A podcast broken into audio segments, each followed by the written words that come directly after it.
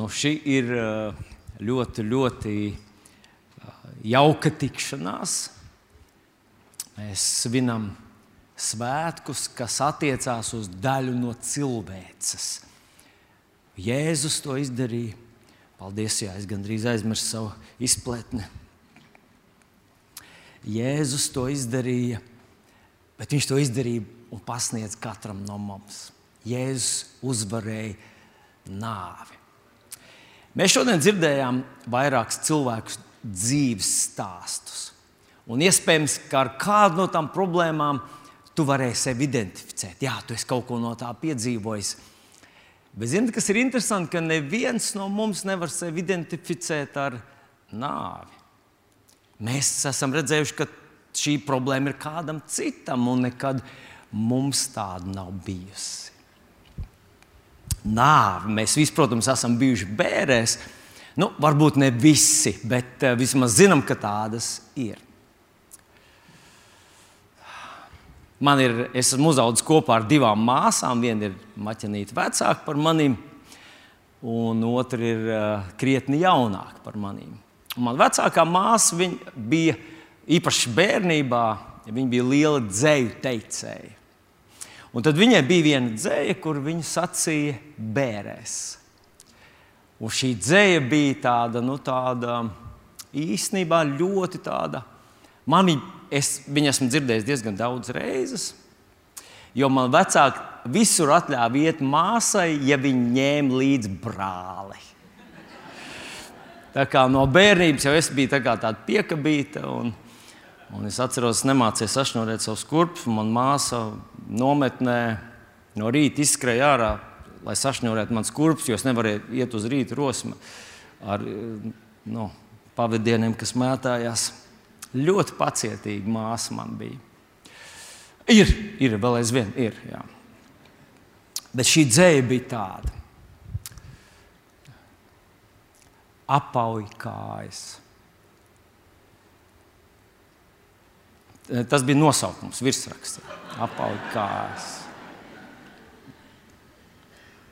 Apauj kājas. Ceļinieks tu esi. Arī tevi tāli ceļš sauks. Varbūt rīt jau tevis celto namu, svešas rokas, vienaldzīgi jauks. Varbūt rīt jau jāatstāj būs ziedi, kas aiz logu tavā dārzā ziedi jāatstāj būs mīļās sirdis, kas tev šodien blakus stāv un dzied. Varbūt rīt pat tevis celtie tilti, nāves straumēs sadragāti irs, cerības un dzīves laime līdz ar smilšu saujām birs. Nav tas tavs, ko tu par savu sauci. Tev šai dzīvē nepiedara nekas. Apauj kājas, ceļinieks tu esi, somā lietas, kas der priekš mūžības.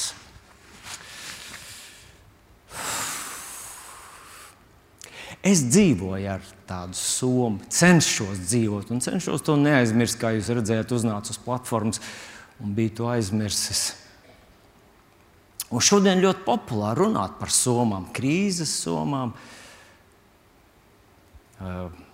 Latvijas slavenības cenšas jums paskaidrot, ko ir ielikuši savā krīzes somā. Valdības cilvēki saka, un laikam kaut kur iespējams, ka ne visi esam izgatavojuši vai sakārtojuši savu krīzes somu. Bet šī situācija, kas šobrīd ir pasaulē, katram no mums laikam tomēr zemapziņā lika mums padomāt, ka Iespējams, mēs esam ceļinieki un nedod Dievs mums kādu dienu būs kaut kur jāiet. Bet jāiet būs. Un ziniet, kas ir interesanti? Ka laikam jau manas māsas dzēja bija pravietiski, jo absolūti lielākā daļa no cilvēkiem, kas stāvēja apkārt un klausījās, kā manā māsa šo dzēju teica, jau ir aizceļojuši. Absolūti lielākā daļa no viņiem ir aizgājuši tālajos ceļos. Nu, varbūt uz pirkstiem var saskaitīt tos, kas ir palikuši. Viens no tiem esmu es. Mēs jau dzirdējām raksturvietu, kas mums sacīja, ko tas cilvēkam palīdz, ka viņš iemanto visu pasauli, bet pats sevi pazaudē un samaitā vai pazaudē savu dvēseli. Bet, zinot, Lūkas, Mar, piedodiet, Marka evanģēlī ir kāds interesants stāsts.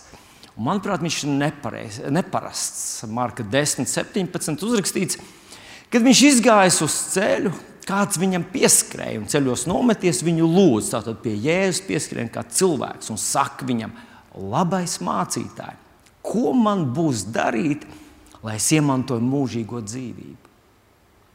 Lasot tālāk šo stāstu, mēs konstatējam, ka tā cilvēka dzīve ir ideālākā kombinācija. Un tā kombinācija ir tāda, ka viņš ir jauneklis un ļoti bagāts. Jauns un ļoti bagāts. Redziet, dažreiz mēs domājam, ka tie ir tie, kas dzīvē ir apdalīti, ir tie, kam interesē tās aizskapa dzīve un tās mūžīgās lietas un tā mūžīgā dzīvība. Tie, kas ir slimi, kas eh, nav, kuriem nav talanta, nav spēka, nav veiksmes, nav izdošanās, nav popularitātes, nu, vai kā savādāk, viņi kaut kā dzīvē, kaut kā viņam ne, neveicās. Un tad tie runā par, nu, par to dievu un mūžību. Šim puisim bija gan jaunība, gan ļoti bagāts. Bet viņš izjuta, iespējams, ka vēl vairāk. Jo redziet, tad, kad tev kaut kas pietrūkst, un tie, kas tikko lieldienās arī gavējāt, jūs droši vien arī izjutāt to, to izjūtu. Kad, ka tad, kad tev ir ēdiens, tu visu laiku ēdi to, ko tu gribi, tu nemaz neizjūti tā ēdienu vērtību. Bet tad, kad tev viņa pēkšņi nav, tu domā, ah, cik labi būtu rupmais garoziņa Un iespējams, ka viņam bija izjūta, tā ļoti liela izjūta, ka nu, viņam ir viss kaut kas, bet kaut kas viņam ļoti pietrūkst. Mūžīgā dzīvība. Diemžēl tā puikas stāsts, tā ļoti bagātā un jaunā puikas stāsts beidzās skumji. Viņš aiziet pazušanā. Viņš pienāk pie Jēzus, izsaka viņam tādu, pie, tādu piesardzīgu komplimentu, bet tomēr aiziet savu ceļu. Un tur ir paskaidrots, ka viņš pārāk lielu uzsvaru lika uz bagātību, uz karjeru, uz dzīvi, uz, nu, uz to, ko Salamans, viens no gudrākajiem Bībeles personāžiem, sauc par nīcību. Nīcība ir kaut kas, kam, kam ir derīguma termiņš, kas beigsies, kas ir tikai uz laiku.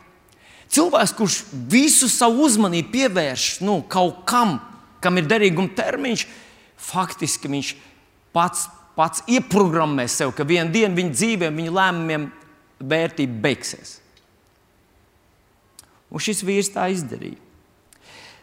Bet es šodien domāju par šo pantu, jo tas cilvēkam palīdz, ka viņš iemanto visu pasauli, pats sevi pazaudē. Man negribas runāt uzreiz par to pazušanu tik daudz, cik man gribētos padomāt par to, tad, kas tad ir tas, ko tad iegūst tas, kurš nepazaudē savu dvēseli. Un es gribētu pāris raksturvietas jums atgādināt. Domāju, ka lielākā daļa no jums viņas zinat, bet izbaudīsim to vēlreiz.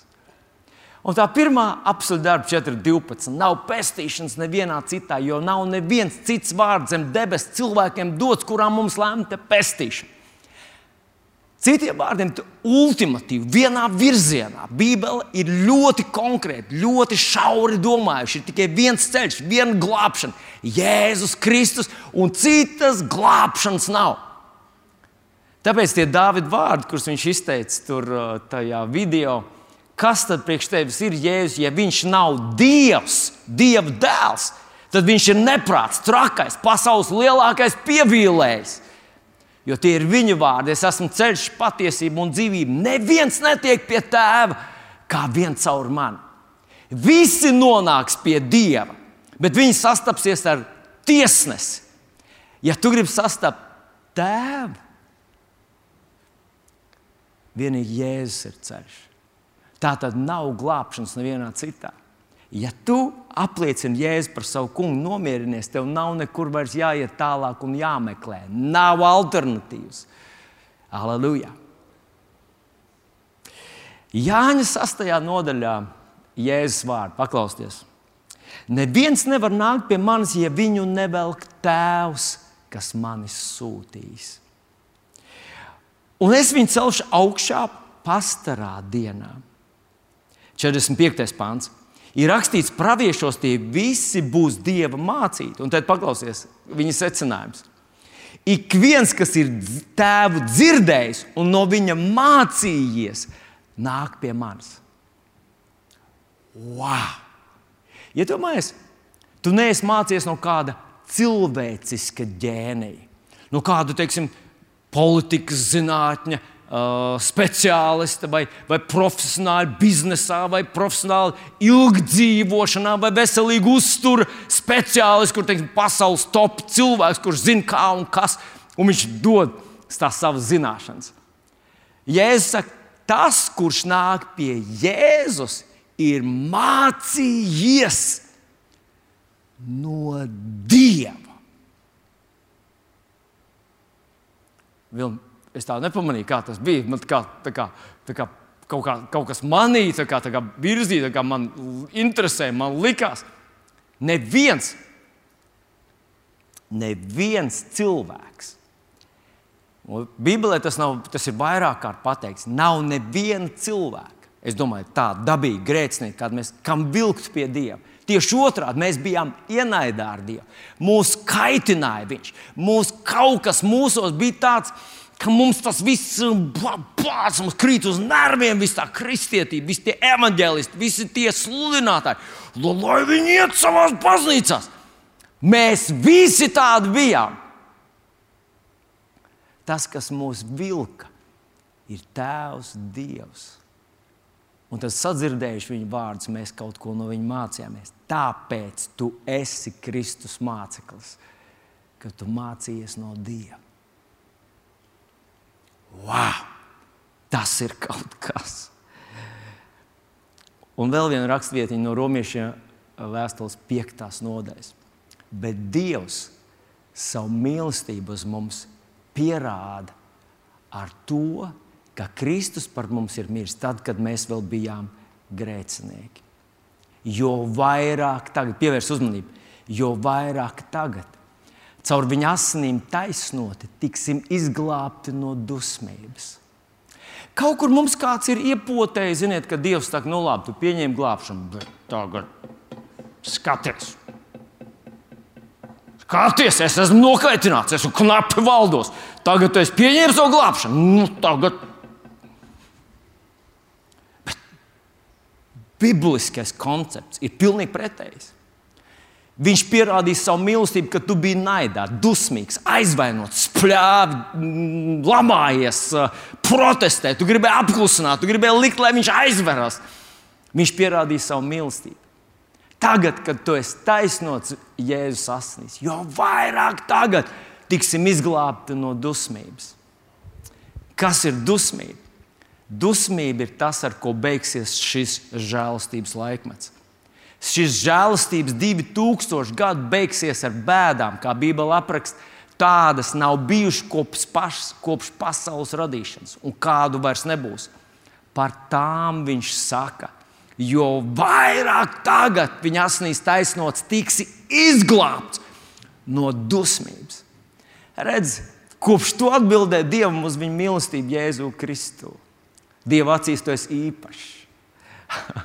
tu viņam patīc. Viņam patīk ar tevi sarunāties, viņam patīk tavs vientiesīgās, vienveidīgās lūkšanas. Viņam patīk tavs mīlestības apliecinājums, viņam patīk tavs dziesmas, viņam patīk, ka tu pacēl savus rokas, ka tu saki, Tēvs, tu esi brīnišķīgs. Dievs sirdī tas ir tā tāds, nu, zīdaini šļupsti viņa māmiņai. Māmiņa, ah, kāds viņš skaists, viņš, ai, kāds viņš brīnišķīgs, cik viņš brīnišķīgi kaut ko tur izšļupstēja, vai kāda viņam kakiņa podiņā, ha, ha, malacīts, gliemezīts ir. Dievs mūs mīl, un mēs to brīžiem nevaram izskaidrot. Un man gribas atgādināt to vienu stāstu par to doktoru, kurš zvana savam pacientam tikai otrādi. Man gribas teikt, ka tas ir tā. Droši vien, ka jūs visi zinat, tas doktors zvana savam pacientam, un pacients paskatās telefonā pēc izmeklējumiem, analīzēm, kuras viņš ir nodevis. Tātad zvana doktors, un viņš saka, o, labdien, doktor! Nu, ko tad labu jūs man pateiksiet? Un doktors saka, man diemžēl priekš jums ir slikta ziņa un vēl sliktāka ziņa. Klausos, doktor. Nu tā, Jums ir atlicis dzīvot 24 stundas tikai. Oh, doktor, bet kas tad var būt vēl sliktāka ziņa? Es jūs kopš vakardienas nekādīgi nevaru sazvanīt.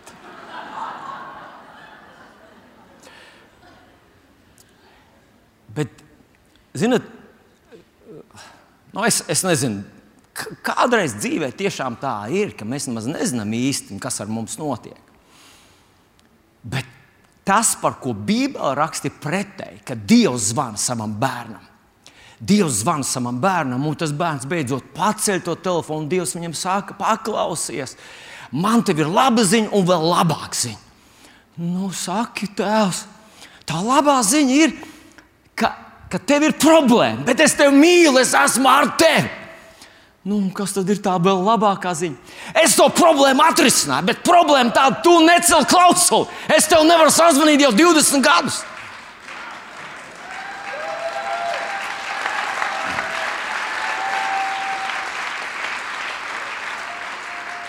Iespējams, ka tu esi tas, kuram viņš zvana jau 20 gadus, satiek tevi uz ielas, kaut kur viņš sūta savus vēstnešus, tavā ceļā iet tev pateikt, ka Dievs tevi mīl, viņš atrisināja tavu problēmu. Bet tu saki, ah, nē, nē, nē, es jau zinu, man ir problēma, man ir problēma, man ir problēma. Man ir problēma. To, ka cilvēkam ir problēma, zina cilvēki Āfrikā un, un uh, Papua, Jaungvinējā un džungļos.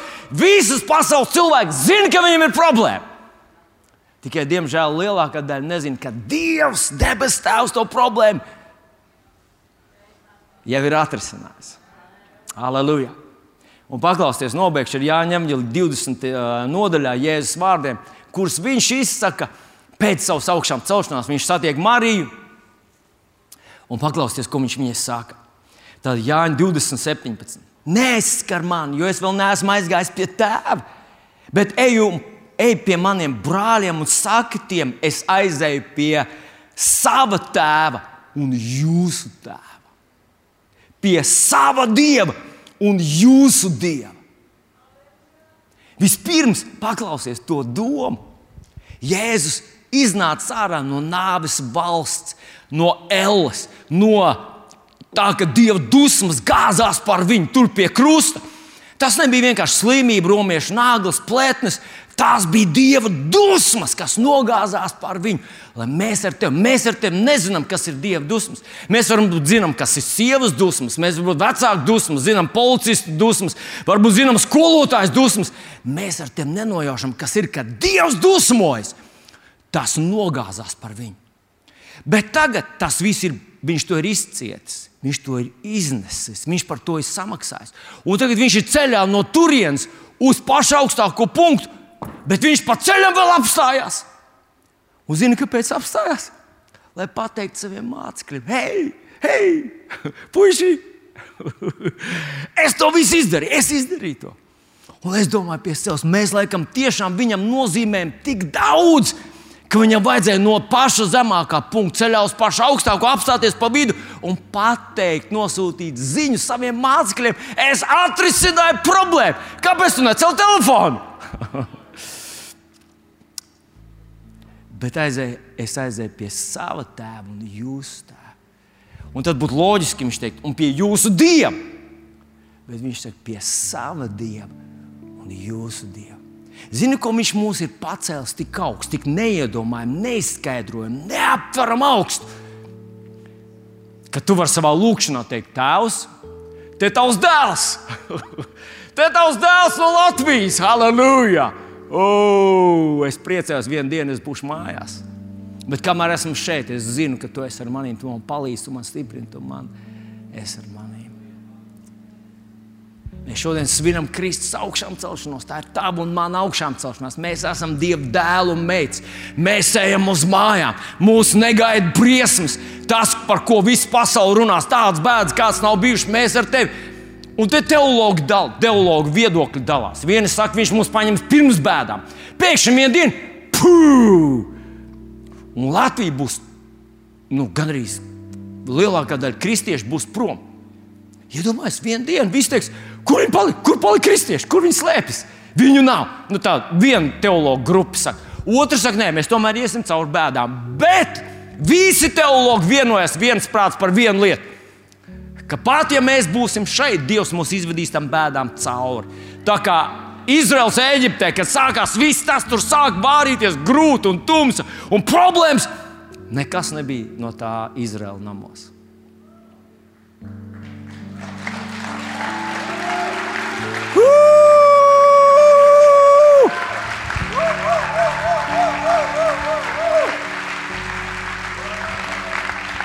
Kristus ir augšām cēlies, patiesi augšām cēlies.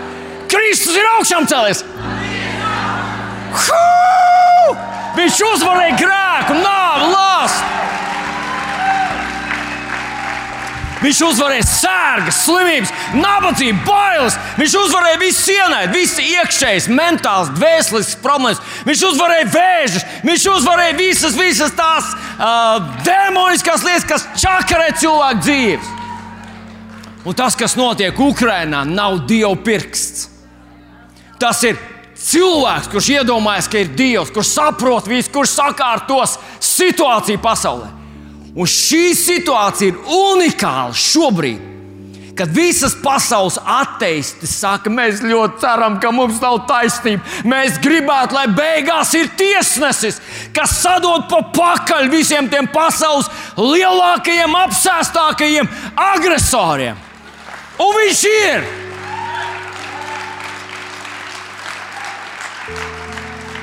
Dievs ir! Dievs ir! Dievs ir! Halleluja! Un Viņš ir mūsu Tēvs. Nu, kas tad notiek ar tiem, kas pazaudē savu dvēseli? Kas nepieņem kungu jēzu? Es ātri tikai izlasīšu pāris vārdus, pakomentēšu. Pirmā Jāņa vēstulē, 5. nodaļā, Rekā apelsīns Jānis raksta, kas tic uz Dieva dēlu, tam ir liecība viņā. Hei, Tas ir kaut kur tur dziļi iekšā. Tavā sirdī tur ir miers. Es esmu, es esmu viens no miljoniem kristiešu. Bet manā dzīvē ir bijuši kaut kāds tāds vētras, kad, kad grūst viss. Un tad tu saproti, ka ārā ir karš, bet iekšā ir miers. Tas tā, tā kā tas karš un miers vienlaicīgi. Iekšā ir liecība. Dievs, halleluja! Paldies Tev! Paldies, Tev, es esmu ceļinieks. Es esmu gatavs. Kad vien tu gribi, es esmu gatavs. Viņam ir liecība, bet kas netic Dievam, tas viņu ir darījis par meli, tāpēc, ka nav ticējis tai liecībai, ko Dievs nodevis par savu dēlu. Redziet, Jēzus pie krusta nav vienkārši viņš tur, nu, tur, mm, nu, tā, tur reliģiski Dievs reāli uzzīmē cilvēkiem. Šodien viss pasaules cilvēki ir redzējuši krucifiksus, ir redzējuši cietēju, tur cietēju pie tā krusta. Tas ir tas ceļš, ko mēs esam nopelnījuši. Viņš reāli saka, tas ir tas, kas tev jāiet. Bet alternatīva ir ļaut viņam iziet tavā vietā un, un pieņemt viņu par savu glābi. Jēzus var, būt vai nu tavs liktenis, viņa ceļš, vai tavs glābējs. Viņš ir vai nu klīns, pret kuru atsitās cilvēks vai viņš ir klients, uz kuras cilvēks ceļ savu dzīvi, savu māju, savu mūžību. Tā tad. Varbūt saka, jā, es ticu, es, es ticu, jā, es ticu Jēzum, es ticu Dievam, man nav problēmas, es neesmu tik fanātisks kā jūs visi. Iedomājieties, ka mans pēc pazvanītu Putins un saka, oh, paklau, es atvainojos, mums te nomaldījās viena raķete, lido tieši jūsu mājas virzienā, un pēc piecām sekundēm trāpīs pa jūsu māju atvainot čauli. Nu, kaut kā mums tur, tu zini, kāda mums tā elektronika ir. Ja? Tur kuvaldi kaut ko rihtēja, mēr, mērķēja un lido pie jums. Un es te to tev saku. Pēc piecām sekundēm šai mājā trāpīs tā viņu tā lielā, tā superskaņas raķete. Un tu te sēdi un saki, no nu, jā, es tev ticu, no nu, vai ātrāk, ātrāk mēs gribam mājās šodien pusdienas laiku. Tad, ja tu neizkustētos no savas vietas, Tu man varētu teikt, ka tu tici, bet īstenībā es zinu, ka tu netici. Īstenībā, tas nu, beidziet mācītāji, jūs te visu laiku mūs biedējat ar kaut kādu dieva tiesnesu, mūžību un nezinu ko. Nes kāpēc. Es laikam esmu mūžīgs, es nodzīvoju jau 20 gadus un nemirstu. Tas ir tas, ko tu saki. Es ticu, jā, jā es ticu, ka Jēzus, jā, es ticu, ka viņš ir glābējis un tā tālāk. Bet es jau tā, nu, tā neko daudz neiesprings. Gan jau pirms nāves. Iedomājieties, ja būtu tāds pakalpojums, 5 minūtes pirms nāves pie tevis ierodās cilvēks un saka, nu tagad mēs saņēmām ziņu, ka tu mirsi pēc 5 minūtēm, tad tu vari pieņemt jēzu. Visi pasauli būtu ticīgi. Visu pasauli skaitīt, lūkšanu, mestos uz ceļiem, mest kūleņus, darīt ap, aplietos ar svēto ūdeni un, un ēstu vakarēdienu. Visu, visu, vai dienu, kukuļus ēst, ja vajadzētu. Tad, ja mēs ar tevi neticam tam, tai liecībai, ko Dievs nodevis par savu dēlu, mēs viņu padarām par melu. Dievs, tu melo, Dievs, tu melo. Ne, ne cik tālu tā aiziet nevaram. Un šī liecība mums ir, ka Viņš mums ir devis mūžīgo dzīvību. Šī dzīvība ir Viņa dēlā. Kam dēls ir, tam ir dzīvība. Tev ir Dieva dēls. Tu ar viņu runā. Viņš valda tavā dzīvē. Tev ir mūžīgā dzīvība. Kam dēla nav, tam nav dzīvības. Tu zini par dēlu. Es lasīju par viņu, dzirdēju par viņu. Tu regulāri fanātiskie Ziemassvētkos un Lieldienās uz dievkalpojumu. Bet tev pašam nav dieva dēla. Draugs, man te jābēdina. Tavas labākās dienas ir šobrīd. Sēdies, cik vien tu gribi. Sēdies tā, lai visu mūžību tev ir ko atcerēties. Nosauļojies, izbaudi, izpriecājies, smējies, jo nākotne ir ļoti drūma un tā ir mūžīga. Marka 16, 16. Kas tic un top kristīts, tas taps glābts. Tur nav tā doma, ka nokristies un ļoti daudz cilvēku saka, es esmu kristīts. Jā, es esmu kristīts, man bērnībā vecāki nokristīja uzreiz, es esmu glābts, viss ar mani viss kārtībā. Tur ir runa ticība lietot tagadnes izteiksmē, tagadnes laikā. Kas tic un top kristīts. Un tas nozīmē, ka ticība viņa parādās rīcībā, viņa darbībā parādās. Ja tevi gribētu apsūdzēt par to, ka tu esi kristietis, viņiem būtu jāsniedz pierādījumi, ka tu tiešām tici Dievam. Tas parādās tavā dzīvē, ko tu runā, ko tu dari, kur tu ziedo savu naudu, ar ko tu nodarbojies, ko tu citiem stāst, ko tu nes tālāk. Ir pierādījumi tam, ka tu esi kristietis. Ja tādu pierādījumu nav, tad viņš saka tālāk, bet kas netic, tiks pazudināts. Visa pasaule sadalīsies tikai divās grupās. Ir tikai divi iespējamie ceļi. Un Lieldienas par to ļoti uzskatām, ļoti tieši un nepastarpināti runā. Mans mīļais draugs, tu varbūt esi labs cilvēks, talantīgs, skaists, varbūt tu esi bagāts un jauns. Ja Jēzus nav tavs dzīves centrs, tev nav nākotnes. Jā, tas, tas izskan tā mazliet apauj kājas ceļinieks tu esi. Arī tevi tāliet ceļi sauks. Bet tā ir patiesība.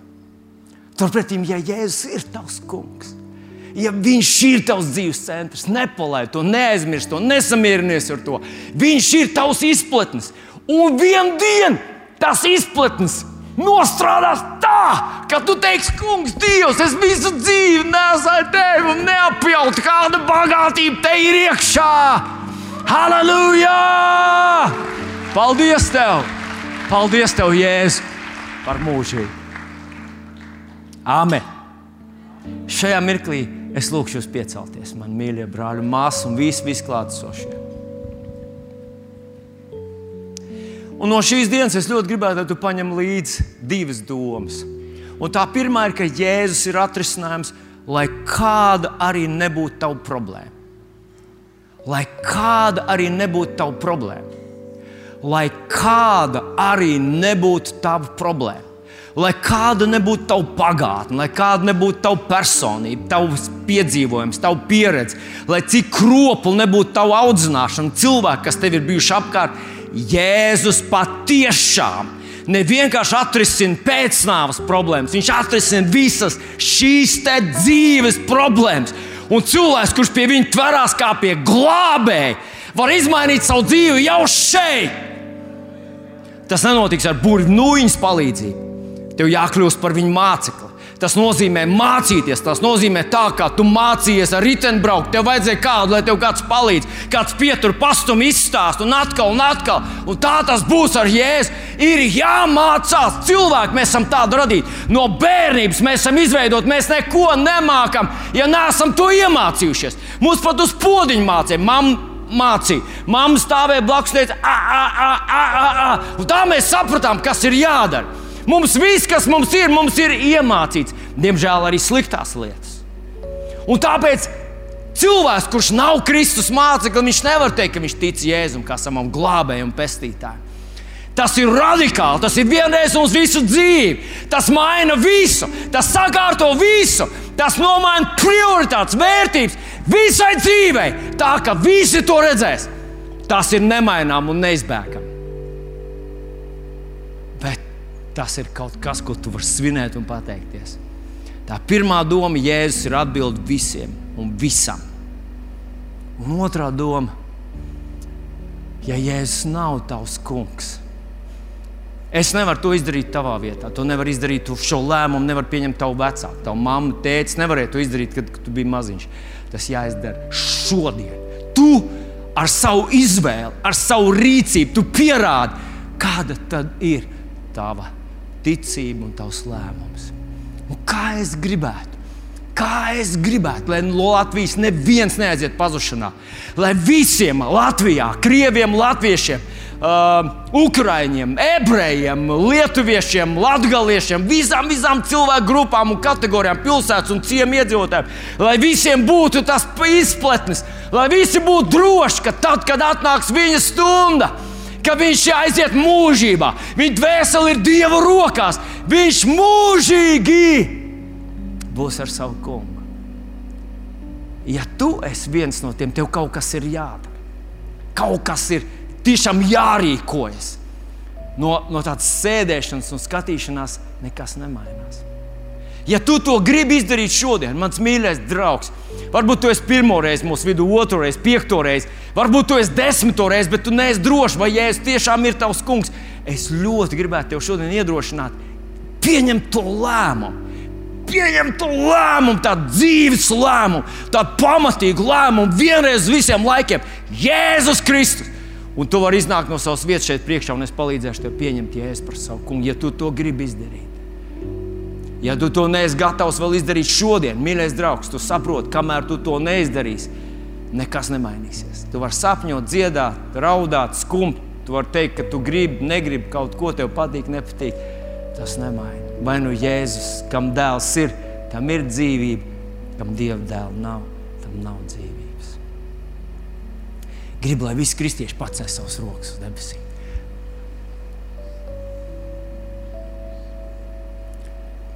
Pasaka šo lūkšanu līdz ar mani. Saka, Tēvs, paldies par Jēzu Kristu. Šeit tavs dēls. Pateicoties Jēzum Kristum. Nu, sievietes, protams, saka, šeit tava meita. Ja? Šeit tavs bērns. Mīlu tevi, pielūdzu tevi, paļaujos uz tevi, gribu pie tevis. Bet kamēr esmu šeit, es baudu tavu mīlestību, atbalstu, svētību, palīdzību, tavu svēto garu. Un paldies tev, ka tu man zvani tik bieži un uzrunā mani arī caur saviem lieciniekiem. Es pieņemu to no visas sirds.